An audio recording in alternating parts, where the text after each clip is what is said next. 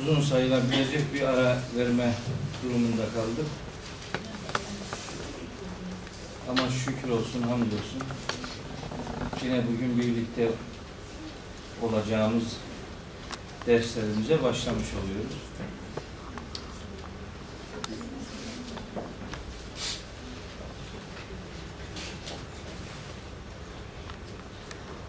İlk indirilen surelerin mantığını kavrama noktasında Kur'an'ın nüzul sırasını takip etme metodunu uygulayacağımızı söylemiştik. O metot gereği bugün indiriliş sırasına göre beşinci sırada bulunan Fatiha suresini işleyeceğimizi duyurmuştuk. Başlarken özellikle bir şey söyleyeyim. Bu surelerin indiriliş sırası herkesin ortaklaşa kabul ettiği bir sıraya sahip değil. Yani birinin birinci dediğine bir başkası üçüncü, beşinci diyebiliyor. Sıralama tam 1, 2, 3, 4, 5 diye herkes bunu böyle kabul etmiştir diyebileceğimiz bir sıralama yok aslında. Çünkü özellikle küçük kısa surelerin bazıları aynı anda indirilmiş, bir anda indirilmiş, bir kısmı birbirine çok yakın zamanlarda indirilmiş olduğu için böyle tam sırasını takip etme imkanından yoksunuz. Onun için değişik sıralamalar görürseniz yani şaşırmayın. Bazı sıralamalara göre Fatiha birinci suredir. Bazılarına göre işte beşinci suredir. Bazılarına göre ikinci sure başkadır, üçüncü sure başkadır. Ama şu kesin ki bu ilk indirilen sureler bütünü konuşulduğu zaman bu bizim takip ettiğimiz sıralamada bu ilk indirilen surelerin bulunduğunda şüphe yok. Biri öbürüyle yer değiştirir o kadar. Başka yani Mekki bir sureyi medeni gibi, medeni bir sureyi Mekki gibi algılamamıza neden olabilecek herhangi bir karışıklık yok. Mekki sureler muhteva itibariyle, mantık itibariyle, ifade tekniği itibariyle medeni surelerden oldukça farklılık arz eden bir yapıda indirilmiştir. Fatiha suresinin ilk indirilen sure olduğunu iddia edenlerle beşinci sırada indirildiğini iddia edenleri bir yerde buluşturma imkanına sahibiz.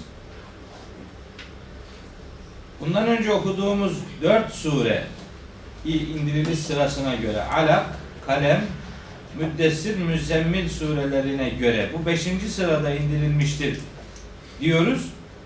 Ama o sureler bütünüyle indirildikten sonra bu sure indirilmiştir anlamında demiyoruz bunu. O sureler indirilmeye başlanmıştır. Alak'tan ilk beş ayet indirilmiştir. Sonra işte kalemden bir grup ayet. Sonra Müddessir'den, sonra Müzzemmil'den birer grup ayetler indirilmiş.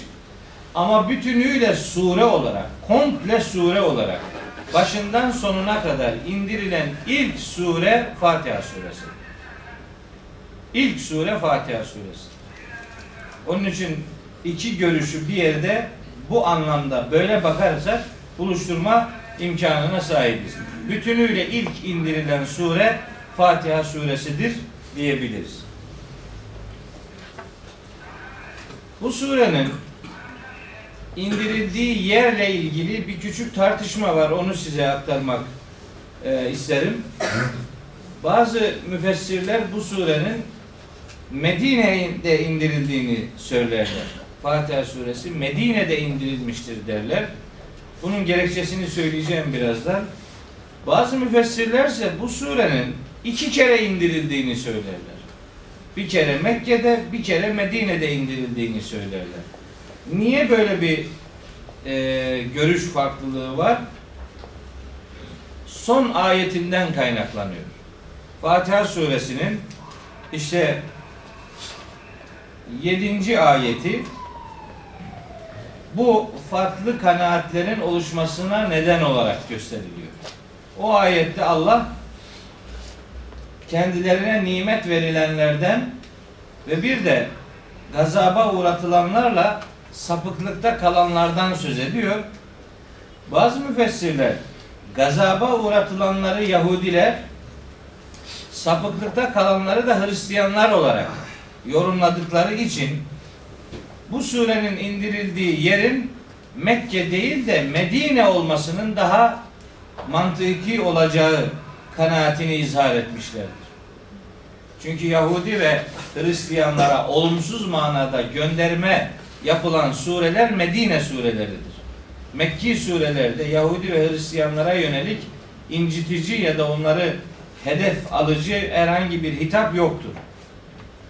Burada gazaba uğratılanları Yahudiler diye algılamak, sapıklıkta kalanları da Hristiyanlar diye izah etmek surenin Medine'de indirildiği kanaatine neden olmuştur. Bu bir tarafa ilgili ayete geldiğim zaman bu yorumun doğru olup olmadığını söyleyeceğim. Şöyle başka bir ifade daha var. Peygamberimiz Aleyhisselam'a nispet edilen bir sözünde buyuruyor ki Estağfirullah La salate Estağfirullah olmaz hadislerde neyse olsun. La salate illa bi fatihatil kitap diye bir ifade var. Hadis metni. Yani Fatihasız Ses öbür tarafa gitmiyor. Mikrofonu mu kaldırsın? Evet. yani kaldırayım da ağzıma mı gelir? Yaklaştır. Tamam kaldır deyince. Tamam. Hadis metninde buyuruyor ki Efendimiz La salate illa bi fatihatil kitabi Kitabın Fatihası olmadan namaz olmaz. Böyle bir hadis-i şerif var. E, namaz Mekke'de farz kılındığına göre bu surenin Mekke'de indirilmesi lazım. Madem o rivayet eğer doğruysa bu surenin Medine'de indirildiği iddiası doğru olamaz. Dahası belki bunların hepsinden çok daha önemlisi Hicr suresi diye bir sure var Kur'an-ı Kerim'in 15. suresi. Bu surede Yüce Allah buyuruyor ki surenin 87. ayetinde Estağfirullah ve lekad ateynake seb'an minel mesani vel Kur'anel azim. Bu Hicr suresi Mekke'nin ortalarında indirilmiş bir suredir. Bu surenin içerisinde 87. ayette Yüce Allah Peygamberimize hitaben sana seb'i mesaniyi ve bütünüyle Kur'an'ı verdik ayeti burada yer alınca belli ki Fatiha suresinin bu sureden önce indirilmiş olması gerekiyor. Bu ayetteki seb'i mesaninin Fatiha olduğunda hemen hemen hiç ihtilaf yok. Hemen hemen ihtilaf yok. Eğer buradaki yedi tekrarlanan ayet Fatiha ise ki böyledir. O zaman bu surenin Mekke'de indirilen Hicr suresinden daha önce indirilmiş olma zorunluluğu vardır. Bu itibarla Mekke'de indirildiğini, Fatiha suresinin Mekke'de indirildiğini çok rahat bir şekilde söyleyebilir.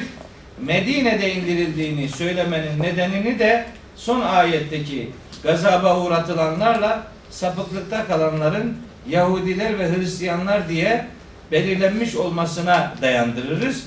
Fakat o görüş de ilgili ayete geldiğimiz zaman çok doğru bir görüş değildir diyeceğiz. Evet Fatiha suresi değişik isimlerle anılan bir suredir. Fatiha suresi 20'ye yakın adı olan bir suredir. 20'ye yakın adı var bu surenin. Biz tabi şimdi 20 tanesini falan söyleyecek değiliz. Şu olmazsa şöyle 4-5 tanesini söyleyelim ki Fatiha'yı daha yakından tanıma fırsatı verecek bize bu isimler. Birinci ismi Fatihatül Kitab. Kitabın Fatihası. Kitap Fatih açan demektir. Fatih açan demektir. Fatiha açılış demektir. Fatiha kelimesinin sonundaki T müennes tası değildir.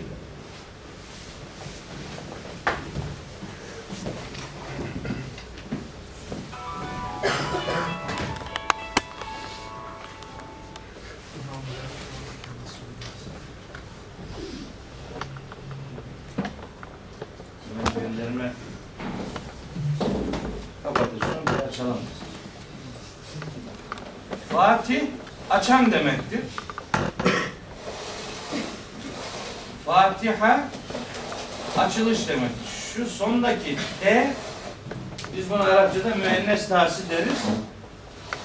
Kelimenin dişi müennes olduğunun alametidir. Ama her ta her kelimenin sonunda bu anlamı vermez. Buradaki ta bu kelimeyi sıfat yapar. Bazı kelimelerin sonuna böyle ta gelmesi kelimeyi isim olmaktan sıfat olmaya dönüştürmeye yarar. Bazen böyledir. İşte buradaki de bu açan demektir. Fatih açan demektir.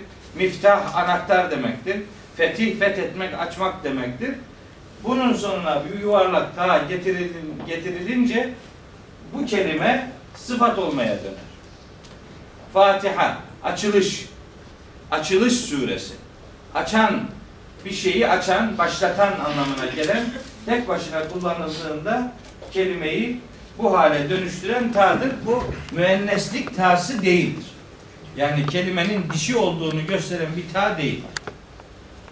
Sadece kelimeyi isim ve sıfat olma noktasında birbirinden ayırt eden bir harf ilavesidir. Açılış anlamına gelmesi itibariyle Kur'an vahyinin bu sureyle komple açıldığı ifade ediliyor. Bu bir özet suredir. Kur'an'ın özeti mahiyetinde olan bir suredir. Yani tabir caizse her ayetinin belki her kelimesi Kur'an'ın pek çok suresindeki pek çok ayetin anahtarı konumundadır. Hamd kelimesinin üzerine bastığınız zaman bilgisayar teknolojisi kullanarak söyleyelim. Fatih Elhamd kelimesinin üstüne tıkladığınız zaman karşınıza yüzlerce ayet çıkar Kur'an'da. Hamd anlamını veren. Lafzayı celal için aynı şey. Rab kelimesi için aynı şey. Bütün kelimeler Kur'an'ın içerisinde pek çok kelimeyle, ayetle, sureyle yakın mana ilişkisine sahiptir. Onun için Fatiha Kur'an'ın özetidir. Bir bina yaparken önce temelleri atılır. Usul böyledir. Binanın ayakta durabilmesi için. Temeller binanın ayakta durmasını nasıl sağlıyorsa Fatiha da Kur'an'ın ayakta durmasını sağlayan Kur'an temeli mesabesinde bir suredir. Temeldir. Veyahut da bir ağacın ağaç olarak ayakta durması için köklerine ihtiyaç vardır. Kökleri ağacı ayakta nasıl tutuyorsa Kur'an'ın Fatiha ile ilişkisi de ağacın kökleriyle ilişkisine benzer. Fatiha kök mesabesindedir. Diğer sureler onun gövdesidir, dalıdır, budağıdır, yaprağıdır, meyvesidir, her neyse. Fatiha onun özeti, kaidesi, esası anlamındadır Kur'an için söyleyelim. Fatiha'nın isimlerinden biri bu. Biri Ümmül Kitab. Ümmül Kitab. Kitabın anası. Kitabın özü. Kitabın nüvesi. Kitabın çekirdeği. Kur'an bütünüyle Kur'an'ın özü, ana mesajını taşıyan suresi anlamına gelir. Gerçekten böyledir Fatiha suresi. Üç ana konu içerir. Bu üç konu Kur'an'ın bütününü içine alacak derinlikte konuları oluşturur. Üç konu onları da söyleyeceğim. Başka bir adı El Esas'tır Fatiha'nın. El Esas Kur'an metninin ihtiva ettiği ana ilkeler Fatiha suresinin içerisinde yer alır. Ana ilkeler. İçinde Fatiha suresinin içinde ana esaslar bulunması itibariyle Fatiha Kur'an'ın esasıdır denilebilir. Bir ismi de el esastır. Kur'an'ın bütününde bulunan hükümlerin, ilkelerin yeterli ölçüde insanların kavrayışına sunulmasını sağlaması anlamında da Fatiha'nın iki ismi daha vardır. El Vafiye, El Kafiye isimleri var. Yeterli, yeten, kifayet eden anlamında iki ismi daha vardır Fatiha'nın.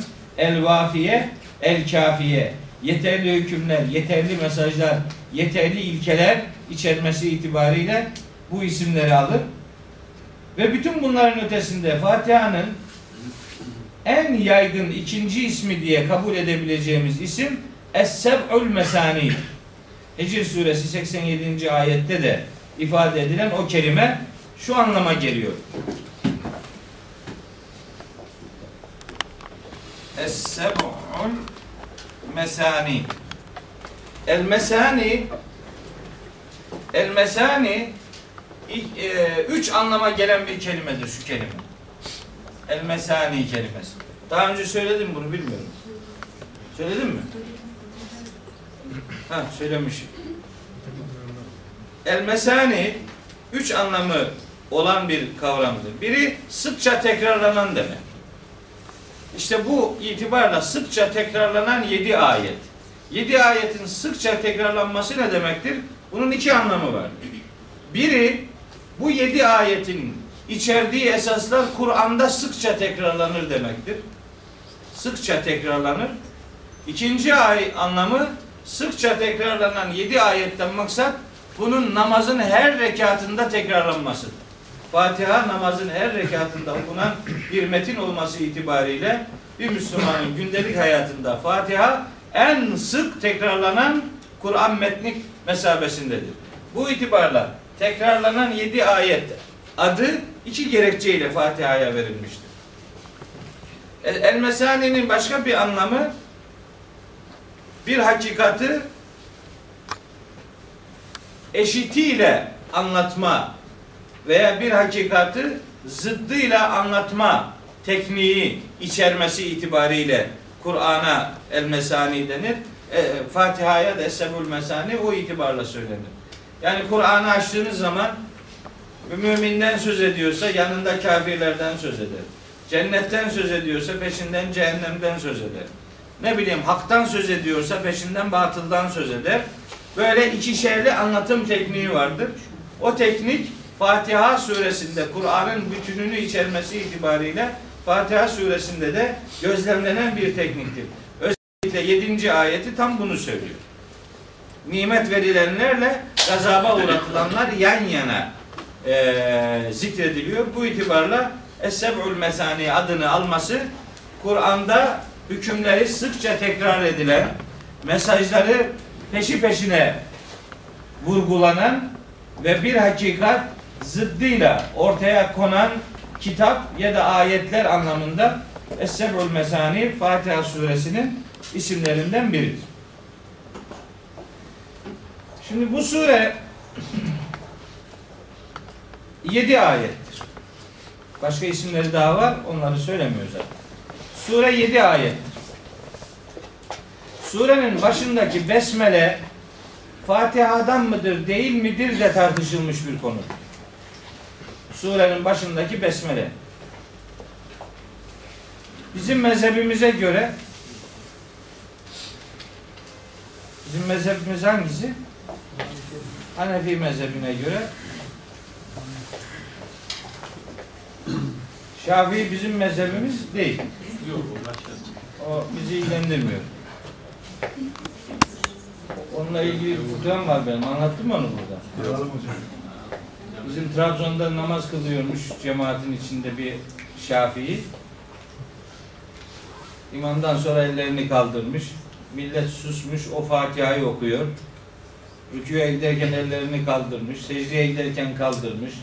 Ettehiyyatü'de bu işaret parmağını efendim sallıyor, kaldırıyor. Ettehiyyatü'yü imamdan sonra okumaya gayret ediyor. İmamdan sonra selam veriyor. Bizim Trabzonlu canı sıkılmış. Selam vermeyi dar beklemiş yani. Zar zor beklemiş. Selam verdikten sonra adama demiş ki Ulan ne biçim namaz kılıyorsun sen demiş. Niye? E ne adam gibi kılsana demiş. Elle ikide bir ellerini kaldırırsın, parmaklarını oynatırsın. Millet susar sen konuşursun. Benimle beraber selam vermesin. Nedir zorun? Adam gibi niye kılmıyorsun? Baksana bu kadar millet nasıl kılar? Demiş ki efendim ben Hanefi değilim, Şafii'yim. Ha kusura bakma ben seni Müslüman zannettim. bizim bizim bizim Müslümanın konumu budur. Hanefiliği Müslümanlığın eşiti sayarlar. Şafiiliği Müslümanlığın dışında sayarlar. Fıkralaşmış ama bu gerçeğin ta kendisidir. Şimdi sorsanız buradaki herkese niye Hanefisin de Şafii değilsin bir Allah bunu bilmez. Ben de bilmiyorum. Ben de bilmiyorum. Bunun bil- bilgiye konu olacak bir tarafı yok çünkü yani. Hanefi bulduk kendimizi. Yani Hazır. şeyde ma, Güneydoğu'da veya işte Doğu Anadolu'da doğsaydık muhtemelen Şafii bulacaktık kendimizi. Efendim Kuzey Afrika'da olsak Hanbeli Maliki olacaktık. İran'da olsak Caferi olacaktık. Maazallah bir şey daha doğuya Hindistan'a doğru düşseydik Hinduist olacaktık. Daha biraz daha doğuda Budist olacaktık. Yukarı çıksaydık Allahu alem Rusya sınırları içerisinde ateist olacaktık. Böyle olacaktık. Şimdi Müslüman mısın diye sorunca elhamdülillah Müslümanım diyor. Tabi elhamdülillah. Elhamdülillah sen bu Müslümanlığın neresindesin? Nasıl oldu da Müslüman oldun diye sorsam hiç verilecek cevap yok. Biz kendimizi Müslüman bulduk. İçimizde Müslüman olan hiç kimse yok. Hep Müslüman bulduk kendimizi. Otomatik olarak, tevarüsen, miras olarak kaldı bize bu. Bana soruyorlar hocam Hristiyanlar cennete mi gidecek cehenneme mi? Sana ne? Sana ne? Ne bileyim nereye gidecek? Onları yaratan bir yere gönderir onlar. Sen merakını saklama. Sen nereye gideceksin? Sen bunu hiç düşündün mü? İşte elhamdülillah biz Türkiye'de doğduk. Tabi Allah sana torpil geçti. Neyi hak ettin de Türkiye'de doğdun? Yoksa tenasuha mı inanıyorsun? Önceden bir daha yaşamıştın da sonra ödül olarak sana Türkiye'de doğmayı mı nasip etti Allah? Saçma sapan inançlar var bizim kafamızda. Bizim Müslümanlarda empati diye bir şey yok. Empati, empati nedir? Başkasının farkına varabilmektir. Başkasının düşündüğünü düşünebilmektir. Kendini başkasının yerine koyabilmektir. Bizim Müslümanların hiçbiri mesela Vatikan'da doğmuş olabilmeyi tahayyül dahi etmiyor. Çünkü ona göre o şanslıdır. Burada doğdu. Neyi hak ettin de burada doğdun? Orada doğan da insan. Onun orada doğması için bir gerekçesi yoktu. Senin de burada doğman için bir gerekçen yok. O halde kurtuluşa erebilmenin yolu sahip olunan nimetler kadar sorumlu olduğun bilincine vararak hayatı yaşamaktır. Allah hiç kimseye haksızlık yapmaz, hiç kimseye torpil göstermez. Allah'ın sisteminde mutlak adalet vardır. Adaletsizlik söz konusu değil. Bakara suresinin 62. ayeti geldiği zaman bunları konuşacağız orada. Şimdi bizim mezhep dedim de oradan geldim buraya. Bizim mezhebin imamı İmam-ı Azam diyor ki Fatiha suresinin birinci ayeti olan Besmele Fatiha'dan değildir. Tıpkı diğer surelerin başında olduğu gibi. Hiçbir surenin başındaki Besmele Fatiha'nın bir parçası değildir. O itibarla namazlarda Fatiha okunurken Besmele çekmek gerekmez. Diyor İmam-ı Azam. Yani Fatiha okumanın hükmü vaciptir ama Besmele'yi çekmek o vacibin bir parçası değil o sünnet. Çünkü Besmele Fatiha'dan değildir. Bizim imamın kaynağı şey e, görüşüne göre. İmam Şafii ise bunun tam tersini söylüyor. O da diyor ki Besmele Fatiha'nın bir parçasıdır. Hatta ona göre bütün surelerin başındaki besmeleler surelerin ayrı müstakil birer ayetidir. Aynı o genel kabule uygun olarak Fatiha'nın başındaki de Fatiha'nın birinci ayetidir. Bu itibarla namazda Fatiha'yı okumak İmam Şafii'ye göre farz olduğu için o Fatiha'nın başına besmele çekmek de ilave bir farzdır. Yani aynı aynı farz orada da geçerlidir. Ee, Hanefi olan ben bu konuda İmam Şafii'nin kanaatinin İmam-ı Azam'ın kanaatine göre daha doğru olduğuna inanıyorum. Ve ben Fatiha'yı her okuduğumda besmele ile okurum. İşin garip tarafı cemaatle namaz kılarken bile Fatiha'yı namazın her rekatında okurum. İmam olsam da okurum, cemaat olsam da okurum. Fatihasız namaz olmayacağını peygamber dediyse eğer bu hadis doğruysa ki buna uydurmadır diyen yok, zayıftır diyen yok. Fatiha'nın manasını düşündüğünüz zaman bu söz son derece doğru bir söz olarak görünüyor. Bu itibarla ben Fatiha'yı namazımın her rekatında tek kılsam da, cemaatle kılsam da, imam da olsam, cemaat de olsam Fatiha'yı ve başında Besmele'yi mutlaka ve mutlaka okurum. Bizim Türkiye'de basılan bütün Kur'an-ı Kerimlerde hatta yurt dışında basılan Kur'an-ı Kerimlerde de Fatiha suresinin ilk ayeti Besmele olarak belirlenmiştir. Bakarsanız Kur'an-ı Kerim'e Fatiha suresinin başındaki Besmele birinci ayet diye yazılmıştır. Diğer surelerin başındaki besmeleler için öyle bir ayet işareti yoktur ama Fatiha'nın suresi, Fatiha'nın başındaki için bu ayet e, işareti konulmuştur. Dolayısıyla Fatiha suresi 7 ayettir ve bu 7 ayetin birincisi besmelenin oluşturduğu cümledir. Bismillahirrahmanirrahim cümlesi Fatiha'nın birinci ayeti. 7 ayettir. Birinci ayeti budur. Şimdi Fatiha suresi üç ana konudan oluşur. Fatiha suresinin içi üç konudan oluşur. Bunların birincisi hamd hamd Allah'a hamd övgü cümleleri içerir. İlk dört ayet hamd içeren Cenab-ı Hakk'ın sıfatlarına gönderme yapılan dört ayetten oluşur. Hamd bölümü. İkinci bölümü tek ayetlik beşinci ayeti oluşturan tevhid ilanı ve tevhid deklarasyonu diyebiliriz. Tevhidi kabul, tevhidi ilan. Allah'tan başka herhangi hiçbir varlığa tapınılmayacağı kararını verdiğimiz tevhid ilanı ikinci konu budur. Üçüncü konu ise dua konusudur. Dua. Altıncı ve yedinci ayetler dua içerirler. Şimdi hamd konusu Kur'an-ı Kerim'de yüzlerce ayetle izah edilen bir konu. Yüzlerce ayet var. Allah'a hamdi, Allah'ın sıfatlarını bize anlatmayı hedefleyen yüzlerce ayet var. İlk dört ayet bu itibarla hamd içermesi itibariyle Kur'an'ın hemen hemen yarıya yakınını bize bu konuyla buluşturan muhteva ortaklığına sahip. İkincisi tevhid. Yine bütün peygamberler tarihinin ve özellikle Hazreti Peygamber'in risaletinin bütün kilometre taşlarının özel olarak ortaya konduğu esası içerir tevhid ilanı. Yine yüzlerce ayet vardır bununla ilgili Kur'an-ı Kerim'de. Üçüncü konu dediğim dua konusu da benzer genişlikte nimet verilenlerle gazaba uğratılanlarla sapıklıkta kalanları nitelendirmesi itibariyle Kur'an'ın tamamını içeren bir muhtevadır diyebiliriz. Çünkü kitap nimet ve nimetin karşıtı olmak diye belirlenmiştir.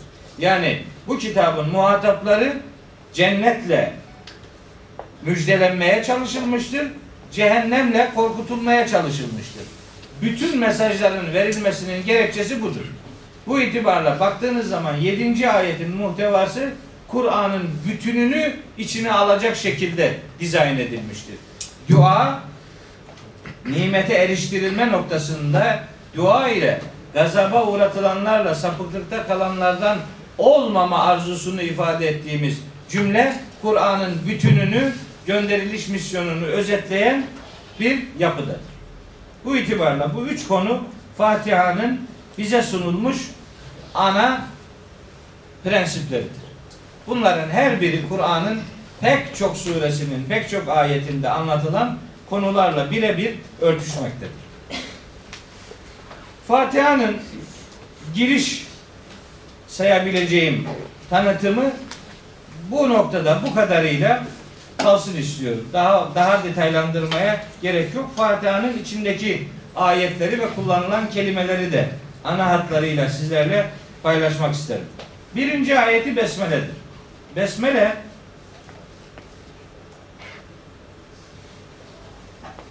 dört kelimeden müteşekkil bir niyet bildirimidir.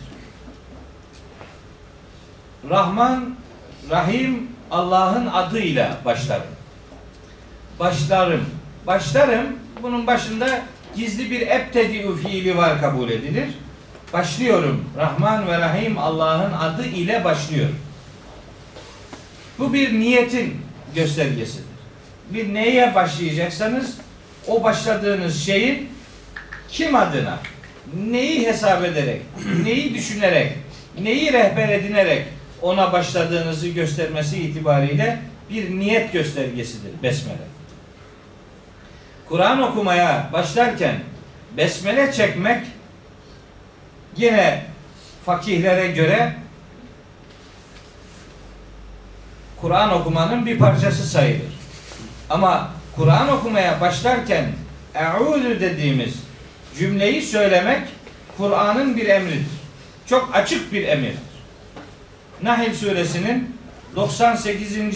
ayetine göre Nahl suresi 98 Orada Yüce Allah buyuruyor ki 98 evet. Feyda qara'tel Kur'ane festaiz billahi mineşşeytanirracim. Kur'an okuduğun zaman kovulmuş şeytandan Allah'a sığın. Bu bir emirdir. Kovulmuş şeytandan Allah'a sığın emri bizim literatürümüzde Euzu billahi mineşşeytanirracim cümlesini söylemeyi gerektir. Euzu billahi mineşşeytanirracim kovulmuş şeytandan Allah'a sığınıyorum demektir. Kur'an okunurken o cümleyi söylemek farzdır. Bazıları bunun sünnet olduğunu söylüyorlar.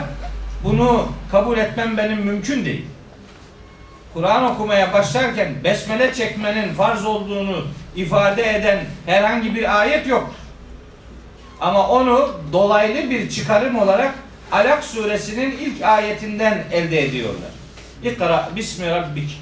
Rabbinin e, adı ile oku. Oku. O oradaki Rabbinin adı ile ifadesinden maksadın Bismillahirrahmanirrahim demek olduğunu söylüyorlar. Oradan hareketle Kur'an okumaya başlarken besmele çekmek gereklidir diyorlar. Ama Kur'an okumaya başlarken bütünüyle Kur'an'ı okumak ile bir ayetini okumak arasında Kur'an okumak anlamında bir fark yok. Bir ayeti okurken de onlarca yüzlerce ayet okuyacağınız zaman da besmeleden önce Euzu cümlesini söylemek farzdır. Yani Allah'ın emridir. Besmele dört kelimeden müteşekkil dedim. Birincisi isim kelimesi. Onun üzerinde durmaya gerek yok. İkincisi Allah kelimesi. Bu çok önemli. Allah kelimesi hakkında çok çok kısa bir bilgi vermek istiyorum. Allah kelimesi başka dillere tercüme edilemeyen bir kelimedir. Başka dillere tercüme edilmemesi gereken bir kelimedir. Allah kelimesi. Şimdi bunu Türkçe'de Tanrı kelimesiyle karşılamaya çalışıyoruz. Tanrı kelimesi Türkçedeki Tanrı kelimesi Arapçadaki ilah kelimesinin karşılığı ol- olabilir. Ama Allah kelimesinin karşılığı olamaz. İngilizce'de Allah kelimesinin karşısına God kelimesini koyarlar. God kelimesini büyük, abi, baba, otorite anlamında da kullanıyorlar. Allah anlamında da kullanıyorlar. Bu kullanım Allah kelimesinin manasını karşılama noktasında doğru bir kullanım değildir. Türkçedeki Tanrı kelimesi de değildir doğru bir kullanım. İngilizce'deki God kelimesi de değildir. Bu Allah kelimesi çok muhteşem bir kelime. İhtişamı şuradan geliyor. Allah beş kelime, beş harften oluşmuş bir kelime. Şimdi bu kelime şu hemzeyi bıraksanız şu kısmı alsanız lillah demektir. Lillah Allah için anlamına gelir. Lillah Allah için anlamına gelir. Yani birinci harfini bıraksanız kalan kısmı gene Allah'ı anlam itibariyle Allah kelimesini ifade ediyor. Bu kelimenin birinci lamını bıraksanız, şunu yani bıraksanız geriye ilah kalır. Bu da Allah'ın bir sıfatıdır. Allah'ı tanıtır. İlah kelimesi. Birinci lamı değil, ikinci lamı bıraksanız gene geriye ilah kalır. Bu gene Allah'ın sıfatlarından biridir. Allah'ı tanıtır. Lamların ikisini birden bıraksanız, hemze ile h'yi koysanız, ah anlamında bir kelime yine Allah'ı ifade eder. Arapçada bu ifade Allah'ı ifade eden kelimelerden biridir. Ah kelimesi. Tek başına Allah'ı ifade eden kelimelerden biridir. İlk üç harfi bir tarafa bıraksanız, geriye sadece hu'yu bıraksanız ki bunun karşılığı tek başına kullanıldığında huvedir. Huve hiçbir ismin kullanılmadığı yerlerde eğer huve kullanıldıysa o başlı başına Allah demektir. Arapçada bu kelime hu diye herhangi bir ait olduğu isim yok da tek başına kullanıyoruz, kullanılıyorsa bu Allah için kullanılır. Arapçanın kuralıdır. Nereden bakarsanız bakın kelime Allah lafzayı celal dediğimiz o yüce varlığın e, müsemmasının ismi anlamında bize sunulan bu kelime başka dillere başka şekillerde tercüme edildiğinde tam anlamını vermez.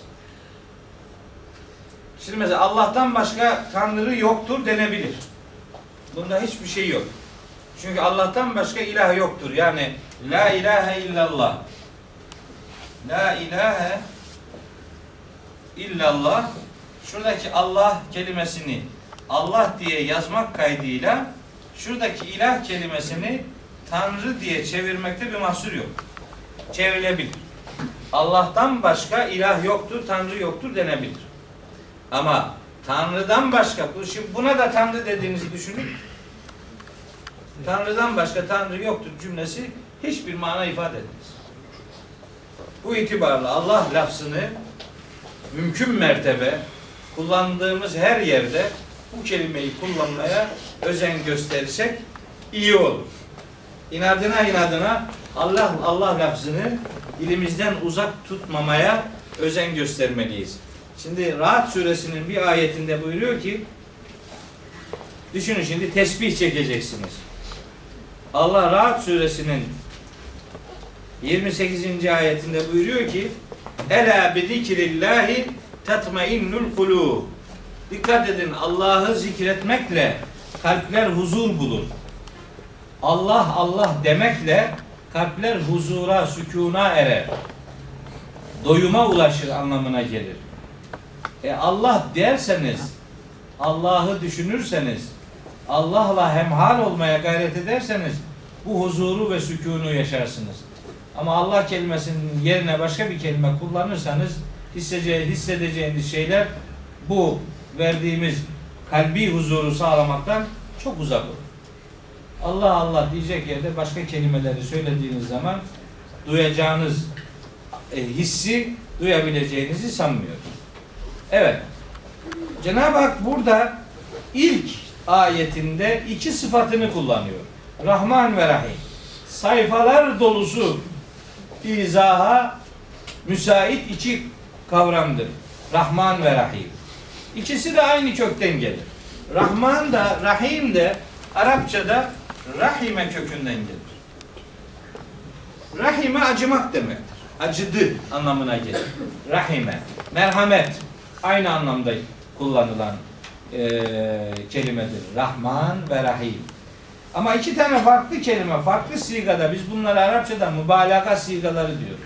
Yani bir manayı abartılı olarak verme sigaları diye kullanıyoruz. Uzun izahlar yapılmış. İşte Allah Rahmanü Dünya ve Rahimul Ahiret demişler. Allah dünyanın Rahmanıdır, ahiretin Rahimidir. Yani Allah dünyada mümin kafir bütün varlıklara merhametiyle muamele edendir. Rahim ise ahirette sadece müminlere merhamet edendir anlamını öne çıkartan e, izahlar yapılmış. Allah'ın rahm- e, sıfatlarından birini dünyaya, birini ahiret, diğerini ahirete ait göstermek çok delile dayandığı bir görüş değil. Yani sağlam bir delili olan bir görüş değildir. Bence Allah dünyada da Rahmandır, ahirette de Rahmandır. Allah dünyada da Rahim'dir, ahirette de Rahim'dir. Allah ahirette yana yakıla insan yakmak için insan avcısı konumunda duran bir cellat gibi tanıtılmak durumunda değil. Orada mutlaka pek çok insanı mutlaka yakmayı bekleyen bir varlıkmış gibi gösterip de orada merhamet sıfatını işletmeyeceği zannını ortaya koyabilecek izahlar beni çok ikna etmezler. Çünkü merhametinin her şeyi çepeçevre kuşattığını Kur'an'da Cenab-ı Hak kendisi söylüyor. Ve rahmeti vesiat külle şey. Benim rahmetim her şeyi çepeçevre kuşatmıştır. Bu kuşatılmışlık dünyada da böyledir, ahirette de öyledir. Hz. İsa Cenab-ı Hakk'a yalvarıyor bakın. Hz. İsa Maide suresinin son ayetlerinin birinde yalvarıyor Allah'a. 118. ayette buyuruyor ki İn tuazibhum eğer sen onlara azap edersen fe innehum ibadük. Onlar senin kullarındır. Yani ben ne diyeyim ki? Azap edeceksen var et. Ama etmesen daha iyi olur anlamına öyle bir şey düşünüyor. Ondan sonra diyor ki ve in tağfir lehum. Eğer onları bağışlarsan fe inneke entel azizul hakim. Hükmünde tek üstün olan ve hikmeti çepeçevre her şeyi kuşatan sadece sensin. Bağışlamak senin şanındandır. Allah'ı ahirette mutlaka mutlaka yakıcı olarak göstermeyi çağrıştıracak anlayışları çok doğru bulmadığımı ifade etmek isterim. Ama bu Allah öbür tarafta kimseyi yakmayacak anlamına gelmiyor. Allah'ın orada da merhametinin bir şekilde tecelli edeceği kanaatini taşıyor. Rahman ve Rahim kelimelerini bu itibarla merhameti her şeyi çepeçevre kuşatan diye tercüme edersek doğru bir tercüme yapmış oluruz. Ayetini söyleyeyim size o çepeçevre merhametin çepeçevre kuşatıcı olduğu ifadesini içeren ayeti söyleyeyim. Araf suresinin 156. ayeti ve rahmeti ve siat külle şeyi. Benim rahmetim her şeyi çepeçevre kuşatmış, içine almıştır. Biz Cenab-ı Hakk'ın merhametini burada da bekleriz, öbür tarafta da bekleriz. Bu rahmet kime nasıl tecelli edecektir? Onu ancak Allah bilir. Biz buradan Allah'ı burada merhametli de öbür tarafta merhametsizmiş gibi göstermeyi çağrıştıracak cümlelerden kaçınsak iyi olur. Ben Rahman ve Rahim kelimelerinin geçtiği her yeri rahmeti her şeyi çepeçevre kuşatan diye tercüme ediyorum. Dünya ve ahiret ayrımı yapmıyor. Allahu Rahmanü Dünya ve Rahimul Ahire ifadesini çok doğru bulmadığımı ifade etmek isterim. Burada bir şey daha söyleyeyim. Rahim kelimesi çok muhteşem bir kelime. Rahim merhamet kelimesi çok muhteşem bir kelime olarak seçilmiştir. İnsanların kainatta sıcaklığını hissedebilecekleri en güzel yer ana rahmidir. İnsanların en rahat olduğu yer ana rahmi. Allah anne rahmi için kullandığı kelimeyi kendi iki sıfatıyla aynı kökten türetmiştir. Rahman ve Rahim nasıl Rahime kökünden türetilmiş ise yani Rahman ve Rahim nasıl bu kelimeden türetilmişse Rahm ve Erham kelimeleri de aynı kökten türetilmiştir. Rahim, Erham rahmet kelimesinden acıma, merhamet etme, sıcaklık, muhabbet, kuşa, çepeçevre kuşatıp dış etkilerden, dış zararlardan muhafaza altına alma anlamında Cenab-ı Hak kendi iki sıfatını ana rahminin adı olarak belirlemiştir. Geçen bir konuşma dinlemiştim. Çok da hoşuma gitmişti. Hz. İbrahim'in oğlu İsmail'i kurban vermesi, kurban kesmesi olayı anlatılırken Hz. İbrahim Cenab-ı Hakk'a ilticaen demiş ki Ya Rabbi diğer peygamberleri değişik imtihanlarla sınadın. Biri denizde boğuldu ümmeti, öbürünün başına taş yağdı, öbürü kasırgayla gitti, birine şu oldu, birine bu oldu ama en ağır imtihanı bana reva gördüm. Çünkü bir adamın gözünün önünde oğlunun ölmesi büyük bir imtihandır ama aynı adamın oğlunu kendisinin kesmesi ondan çok daha ileri düzeyde, çok daha ağır bir imtihandır. Niye bana bu imtihanı reva gördün? Bu rivayet tabi. Bu ayet mayet değil. Yani bu nerede geçiyor demeyin. Geçmiyor buralarda. Yani bu bir anekdot. Demiş ki Cenab-ı Hak sen bir gün bir kulumla ilgili bana dua etmiştin. Hatta beddua etmiştin. Demiştin ki yaptığı bir yanlışlıktan dolayı. Ya Rabbi şu kulunu kahret. Demişti. Benim için bir kulu kahretmek nasıl bir şeymiş bunu sana göstereyim diye oğlunu kesmeyle bunu sana öğretmeye çalıştım. Sen bir insan kendi oğlunu nasıl kesemezse bu ona nasıl ağır gelirse benim için kullarımı eziyetle buluşturmak benzer bir ağırlık taşır. Benim çok hoşuma gitti. Buradan bize de bir şey vurur diye bekliyorum. Yani bize de affeder inşallah. Yoksa o ayetlerin dediği gibi eğer zerre kadar her şey önümüze gelecek ve hepsinden hesaba çekileceksek ki çekileceğiz. Ona hiç zerre kadar şüphem yok da hesaptan sonra her yaptığımızı mükafat ya da ceza olarak karşımızda göreceksek yandık. Kimse kurtaramaz. Hiç. Bir Allah kulu kurtaramaz. Tabi tercüme ederken yanlış tercüme ediyorlar. Femen ya'mel miskale zerretin hayran yerehu ve men ya'mel miskale zerretin şerren yerehu. Kim zerre miktarı hayır yaparsa karşılığını görecektir diyor. Kim zerre miktarı şer yaparsa karşılığını görecektir. Ya Allah orada karşılığını görecektir demiyor ki. Onu görecektir. Onu yaptığı neyse onu görecektir. Onu göreceğiz de. Yani karşılığını görmek zorunda değiliz. Allahu Teala bize onun cezasını azap olarak göstermek zorunda değil çünkü bağışlayabileceğini söylüyor. İşte bu merhamet sıfatının orada da burada da, dünyada da ahirette de hepimizi çepeçevre kuşatmış olduğuna bütün kalbimle inanıyorum. Bir şey söyledim. Bu zamana kadar rahmet ve rahmet sıfatını anlatırken aynı anlama geldiği imajı doğdu. Aynı anlama gelen iki kelimeleri de yan yana kullanmışsın.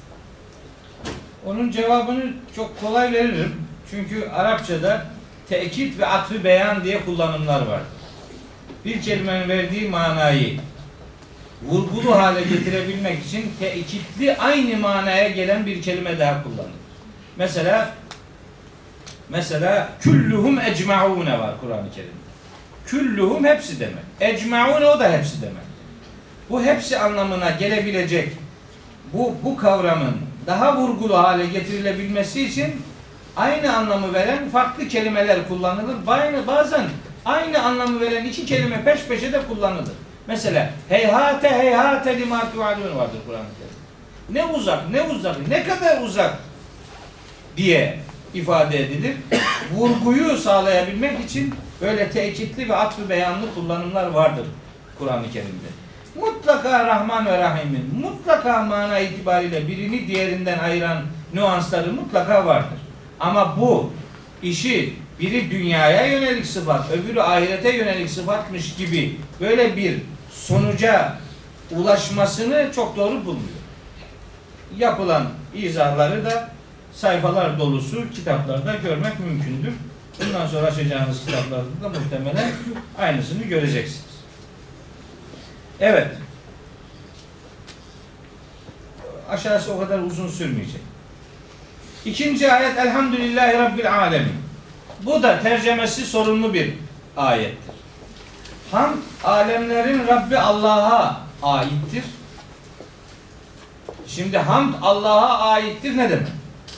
Allah mı hamd edecek yoksa hamda layık olan o mudur? Alemlerin Rabbi olan Allah'a hamd olsun. Maksat bu mudur? Yoksa alemlerin Rabbi Allah'a hamd alemlerin Rabbine aittir. Kendisini hamd etmeyi ancak o becerir. Biz ne kadar yaparsak o hamdi beceremeyiz. O hamdi en iyi o şekillendirir, ifade edebilir anlamına da gelebilir. Her iki anlam da tefsirlerin ortak izahlar arasında yer alır. Ama ben Kur'an'ın bize Allah'ı nasıl hamd etmemiz lazım geldiğini öğretmek için indirildiğine inanıyorum. Dolayısıyla alemlerin Rabbi olan Allah'a hamdolsun. Ben bu hamdi yapmakla yükümlüyüm. Ne kadarını yapabiliyorsam o kadarından sorumluyum anlamında hamd etme işinin Allah'ın bir sıfatı değil de bizden beklenen bir görev olduğunu ifade görüşü daha doğru buluyor. Yani Allah'a hamdolsun ama o hamdi en iyi Allah bilir. Görüşüne göre hamdi Allah'a biz yapmalıyız. Ne kadar yapabiliyorsak işte o kadarını yapmakla yükümlüyüz. Çünkü bu kitap bize onu öğretmek için indirilmiştir. Bu iki anlam eee, tefsirlerde yan yana zikredilir. Şimdi alem kelimesi izaha muhtaç bir kelimedir. Rab kelimesi izaha muhtaç bir kelimedir. Alem nedir? İfade edilen şu, genel hatlarıyla söyleyeyim. Alem, üç türlü varlığı içine alan bir kavram olarak izah edilir. Yani tefsir kitaplarında böyledir. Alem, insanların oluşturduğu, meleklerin oluşturduğu ve cinlerin oluşturduğu alem için kullanılır. Alemler tabi. Halbuki bunu böyle daraltmaya gerek yok. Alem, varlık kazanan her şey kendi türü içinde bir alemdir. İnsanlar kendi içlerinde inananları bir alemdir, inanmayanları bir alemdir. Erkekleri bir alemdir. Alem kelimesi, alemun kelimesi erkekler anlamında kullanılan kelimelerden biridir mesela. Cinsiyet anlamında kullanılan kelimelerden biridir. Hayvanlar bir alemdir, bitkiler bir alemdir. Canlı, cansız, nebatat, cemaat hepsi birer alemdir. Bunu karşılamak için şunu söylüyorum. Varlık kazanan her nesne ya da her varlık kendi türü içinde bir alemdir. İşte Cenab-ı Hak o bütün alemlerin Rabbidir. Rab ne demek? Rab de önemli kelimelerden biridir. Rab genellikle çok yanlış anlaşılan bir tanım getirilir Rab kelimesine. Denir ki Rab terbiye eden anlamına gelir. Muhtemelen siz de öyle biliyorsunuz. Rab terbiye eden. Şimdi bu Arapça önemli bir dil. Kelimeleri izah ederken Arapça bilme zorunluluğu var. Arapçayı bilmeden olmaz. Diyor ki Rab terbiye. Halbuki terbiye kelimesini Arapçada düşündüğünüz zaman terbiye kelimesinin kökü rabadır. Raba. Raba fiilini dört harfli fiile dönüştürüp rabba yaparsanız bu da kuraldır Arapçada kelime türetim kurallarından biridir. Rabayı rabba yaparsanız onun mastarı terbiyedir. Rabba yurabbi terbiyeten. Terbiye kelimesinin kökü rabadır. Rab kelimesinin kökü terbiye ile ilişkili bir kelime değil. Rab kelimesinin kökü Rab. Daha kökü yok yani. Terbiye reba kökünden türemiştir. Rab kelimesinin kökü de kendi başına re, be, bedir yani. Rab kelimesi. Rab sahip demektir. Efendi anlamına gelir. Rab bu dari demek bu evin sahibi demektir. Rab kelimesi sahip anlamına gelen e, efendi anlamına gelen bir kelimedir. Rab kelimesinin anlam dairesi içerisinde terbiye etmek anlamı da vardır. Terbiye eden, idare eden, düzene koyan anlamı da vardır bu kelimenin içinde ama bu kelimenin içinde o anlam var olduğu için kelime terbiye kökünden aynı kelimeden türetilmiştir denemez. Terbiye kelimesinin kökü başkadır.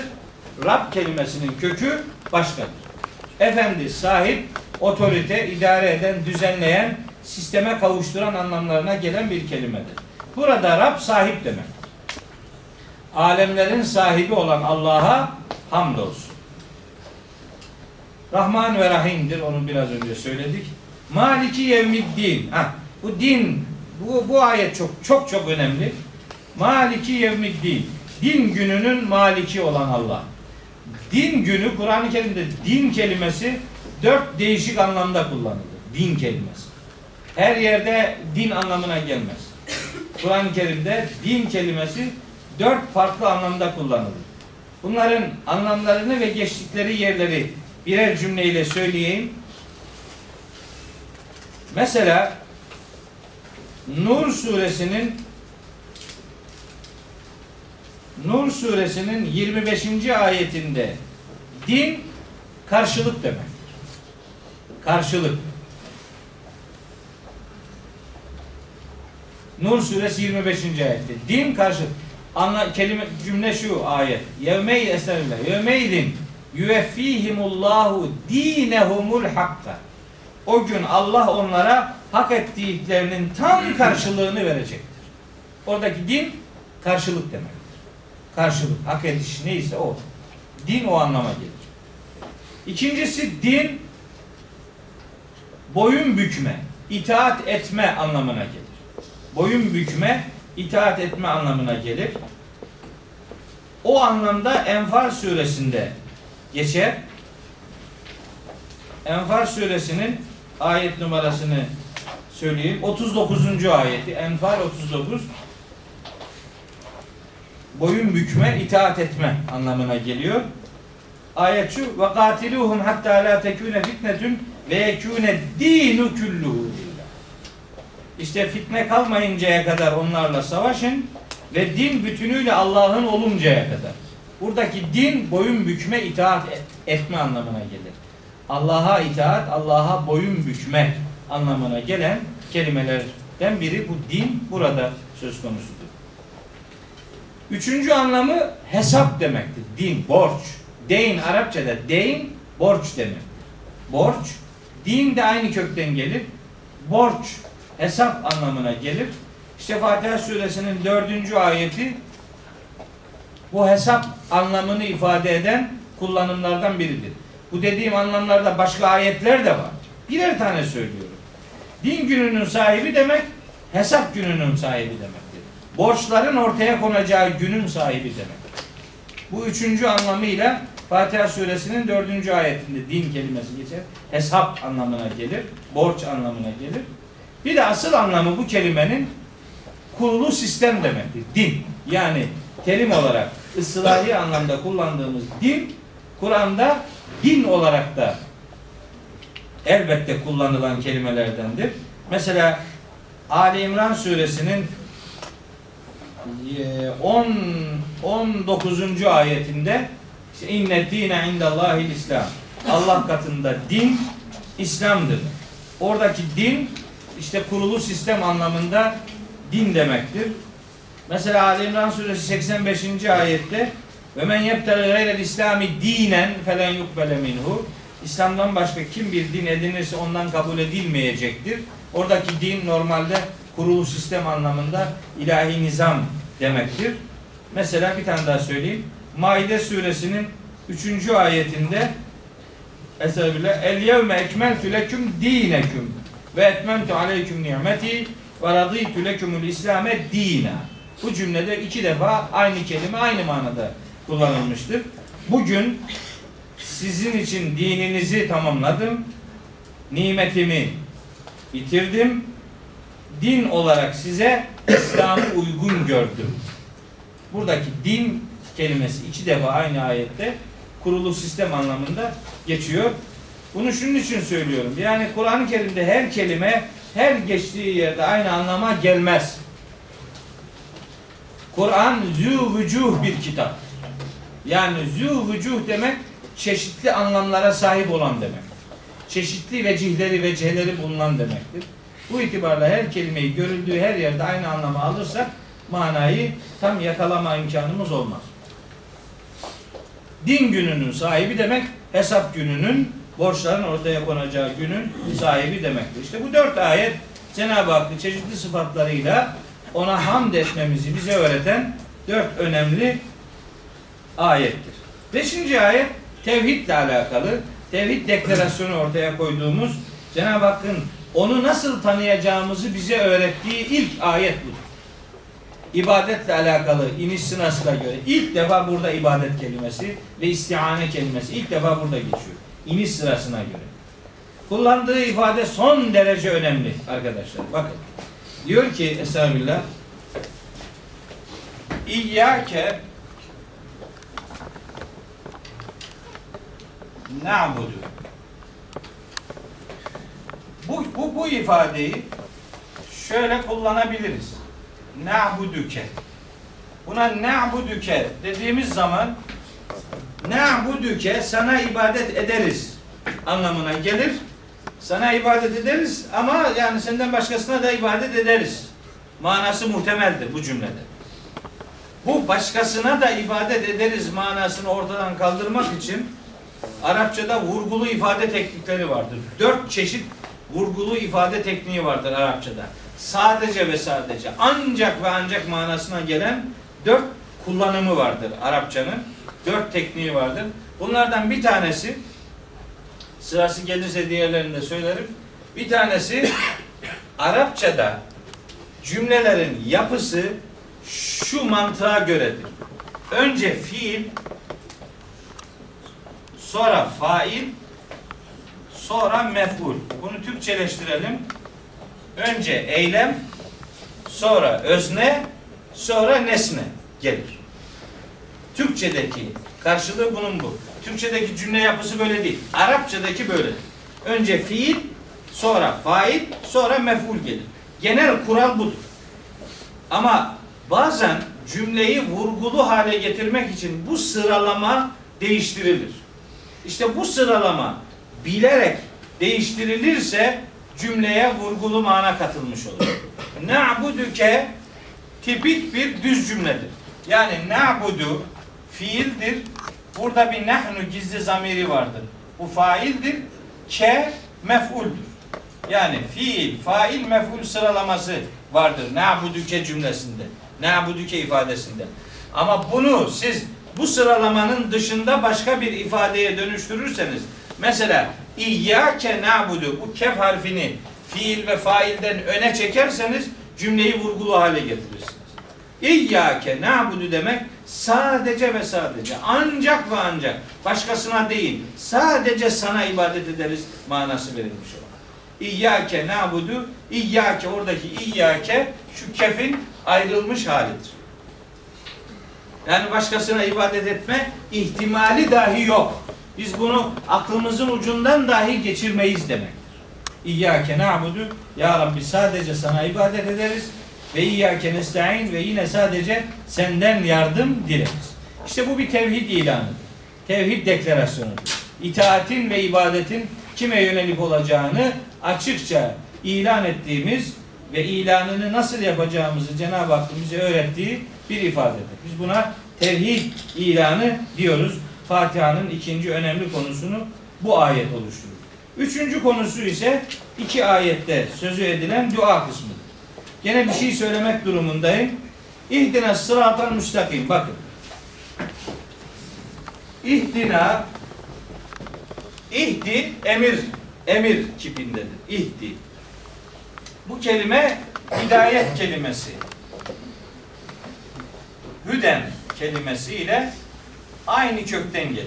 Hidayet, hüda kelimesi ihdi kelimesiyle aynı kökten gelir. Şimdi bu kelime kullanıldığı yerlere göre iki değişik anlam verir bu kelime.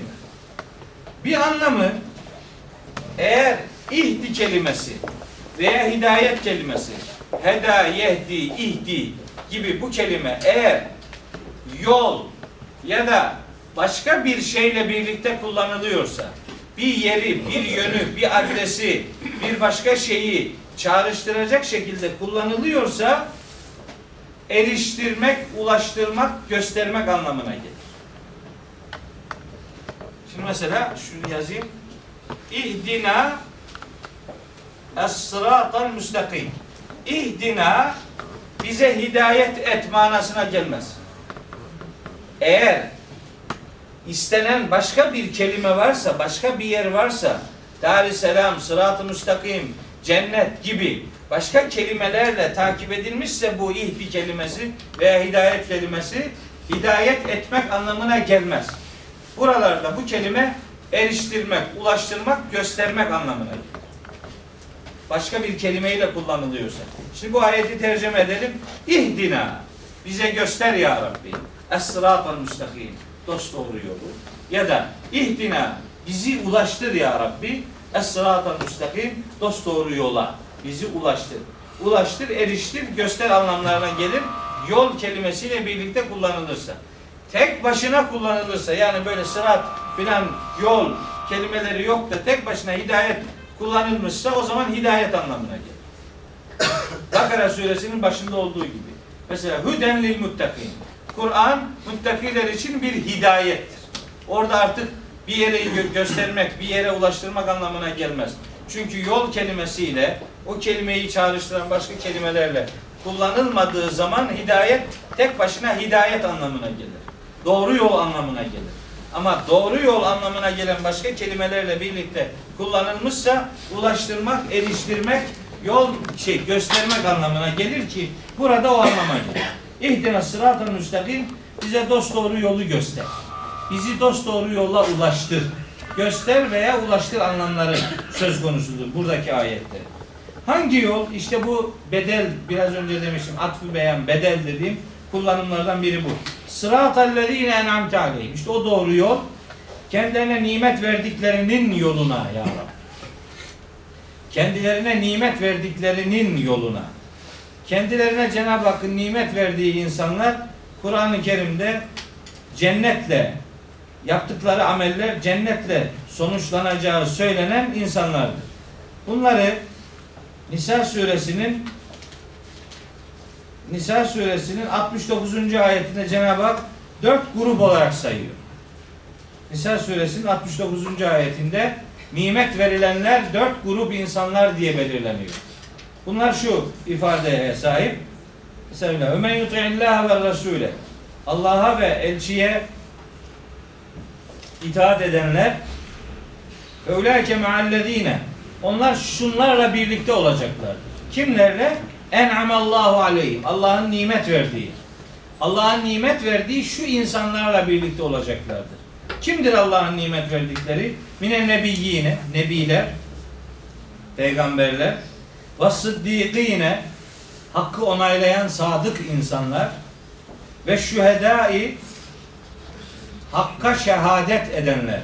Şehitler anlamına gelmez bu. Kur'an'da şehit kelimesi şehit ve şüheda kelimesiyle karşılanmaz. Hiç öyle bir tane bile kelime yoktur. Şehit ve şüheda hakka şahitlik edenler demektir. Hakka şahitlik edenler. Ve es-salihin özü ve davranışı bir olan salih insanlar. Özü sözü, iddiası ve davranışı birbiriyle uyuşan insanlar. Allah'ın nimet verdiği dört grup insan işte bunlar. Nebiler, hakkı onaylayan sıddıklar, hakka şahitlik eden şüheda ve özü sözü, iddiası ve davranışı bir olan salih insanlar. Allah'ın nimet verdikleri bu ayette bu dört grup olarak belirlenmiş ve hasune ulaike rafika. İşte bunlar ne kadar da güzel rafiktir arkadaştırlar diyor Cenab-ı Hak. Fatiha suresinin 7. ayetinde yoluna ulaştırılmayı istediğimiz insanlar Allah'ın nimet verdiği insanlar diye özetlenmiştir. Kelime, cümle öyle özetlenmiştir. Ama Nisa suresinin 69. ayetinde bu ifade biraz açılmıştır. Dersin başında söylemiştim. Fatiha suresinin her kelimesi başka surelerde detaylandırılarak anlatılıyor. Bu, da Kur'an'ın Kur'an'la tefsirinin bir örneğidir. Kur'an'ın en büyük müfessiri yine Kur'an'ın kendisidir.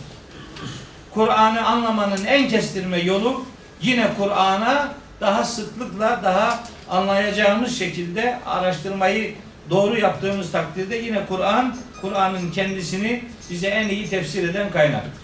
Kaynak olarak öyledir. Nimet verilenler bunlar. Şimdi bunun dışında yoluna gidilmeyi istemediğimiz insanlar var. Son cümle onu vurguluyor. kendilerine nimet verdiklerinin yoluna bizi ulaştır ya Rabbi. Gayril mağdubi aleyhim. Kendilerine gazap edilenlerin değil ve dallin ve sapıklıkta kalanların değil. Bu mağdub aleyhim dediği kendilerine gazap edilenler tefsir kitaplarında hep Yahudiler diye yazılmıştır. Gazaba uğratılanlar Yahudiler diye nitelendirilmiştir. Dalin denen sapıklıkta kalanlar da hep Hristiyanlar diye ifade edilmiştir. Bir defa Kur'an-ı Kerim'in bir konudaki mantığını size söyleyeyim. Kur'an-ı Kerim bir grubu bütünüyle hedef alan hükümler vermez. Hiçbir konuda böyle bütüncül bir niteleme yoktur. Şimdi burada Yahudiler böyledir diye kesip attığınız zaman bunların içinde hiç adam yoktur manası çıkar. Hristiyanlar hep sapıktır dediğiniz zaman içinde hak ve hakikata hiç ulaşmamış insanlar vardır sonucuna çıkar. Şey yoktur sonucuna çıkar. Abi Kur'an'a baktığınız zaman Kur'an'ın içerisinde Yahudi ve Hristiyanlarla alakalı kötüleyici ifadelerin yanında çok övücü ifadelerin bulunduğunu görürsünüz. Bu ayeti Yahudiler ve Hristiyanlar diye sınırlandırmayı doğru bulmuyor. Şöyle denilirse bu makuldür. Yahudiler gazaba uğratılanlardandır. Hristiyanlar sapıklıkta kalanlardandır dersiniz. Başka sapıklıkta kalanlar da ayetin muhtevası içerisine girer. Yahudilerden çok daha önce yaşamış bir takım e, ümmetlerden gazaba uğratılanlar vardır. Onlar henüz Yahudi filan değildi. Ahkaf ahalisi Yahudi değildi. Hz. Hud'un hitap ettiği insanlar, Hz. Lut'un hitap ettiği insanlar, Hz. İbrahim'in hitap ettiği insanlar Yahudi filan değillerdi. Hz. Nuh'un helaket, helake uğratılan kavmi Yahudi filan değildi. Gazaba uğratılmayı Yahudilerle başlatmak ya da onlarla sınırlı tutmak doğru değil. Yahudiler de gazaba uğratılanlardandır. Hristiyanlar da sapıklıkta kalanlardandır derseniz ayetin muhtevasını evrensel tutarsınız. Çünkü o ayette mağdub ve dal kelimeleri nimetin karşılığı olarak kullanılmıştır. Yani insanlar bu ayete göre iki gruptur. Biri nimetiyle buluşturulanlar, diğeri nimetten mahrum kalanlar, bırakılanlar. Nimetten mahrum bırakılmayı Yahudi ve Hristiyanlarla sınırlı tutarsanız ateistleri, Hinduistleri, Budistleri, Şinduistleri, Şamanistleri, şunu bunu hepsini kurtarmış olursunuz. Yani sapıklık bir milletin veya bir inanışın öz özel adı değil. Kim sapmışsa ayetin son kelimesi onu da içeriyor demektir. Kim gazaba uğratılmışsa ayetin son cümlelerinin içinde geçen mağdub aleyhim ifadesi onu da içeriyor demektir. Tarihte olanlar bu ismi aldığı gibi bundan sonra yaşayacak olanlar da benzer isimleri alacaklardır. İsimler Yahudi ve Hristiyan diye belirlenmek durumunda değildir. Öyle olsaydı ilk indirilen surede hemen Yahudi ve Hristiyanlara böyle bir gönderme yapılıyor olsaydı bundan önce okuduğumuz Müddessir suresinde söylediklerimizin hiçbir anlamı kalmazdı. Çünkü orada Müddessir suresinin 31. ayeti çok muhteşem bir ayet. Cehennemin sahibi, cehennemin işleticisi, bekçileri anlamında melekler 19 tanedir diyor diye aleyha tis'ate aşer. Ve ma cealna ashaben nari illa melaike ve ma cealna iddetehum illa fitneten lillezine keferu liyesteyqinellezine utul kitabe. Bu sayıyı 19 diye belirlememiz kitap verilenlerin imanlarını daha güçlü hale getirmemiz içindir. Kafirlerin de bir fitneye tabi tutulmaları içindir. O ayette ehli kitap cehennem zebanilerinin, cehennem işleticilerinin sayısının 19 diye belirlenmesini ehli kitabın imanlarının daha güçlü olmasının gerekçesi olarak, beş gerekçesinden bir gerekçesi olarak vurgulanmıştır orada. İkinci surede böyle, beşinci surede bunları gazabe ve sapıklığa adres olarak belirlemek, Kur'an'ın Mekke'sini iyi kavramamak anlamına gelir. Kur'an'ın Mekke'sinde hedefte Yahudi ve Hristiyanlar yani ehli kitap yoktur. Kur'an-ı Kerim Mekke'de ehli kitabın desteğini almayı önemseyen hatta Peygamber aleyhisselam ibadetinde Kudüs'e yönelmeyi onlarla birlikte olmak anlamında Kudüs'e yönelmeyi icdihaden uygulamış bir e, tecrübeye sahiptir. Dolayısıyla 5. sırada indirilmiş Fatiha suresini son ayetini Yahudi ve Hristiyanlarla sınırlı tutmayı doğru bulmadığımı yineliyorum. Bütün gazaba uğratılır, uğratılmış olanlar ve uğratılacak olanlarla sapıklıkta kalan geçmişteki bütün insanlarla bundan sonra sapıklıkta kalacak olan herkes Fatiha suresinin 7. ayetinin muhtevası bünyesi içerisinde değerlendirilmelidir. Bu anlayışla ancak Fatiha suresi evrensel bir manaya kavuşmuş olur. Öbür türlü izahlar Fatiha suresinin anlamını daraltmaya neden olabilir. Evet. Fatiha suresi ana hatlarıyla işte ancak bu kadar özetleyebildim. yanlış olarak Yahudileşen ve Hristiyanlaşanlar diye çevirirsek bu evrensel ifadeyi kapsamaz. Kapsar. Belki- Denebilir.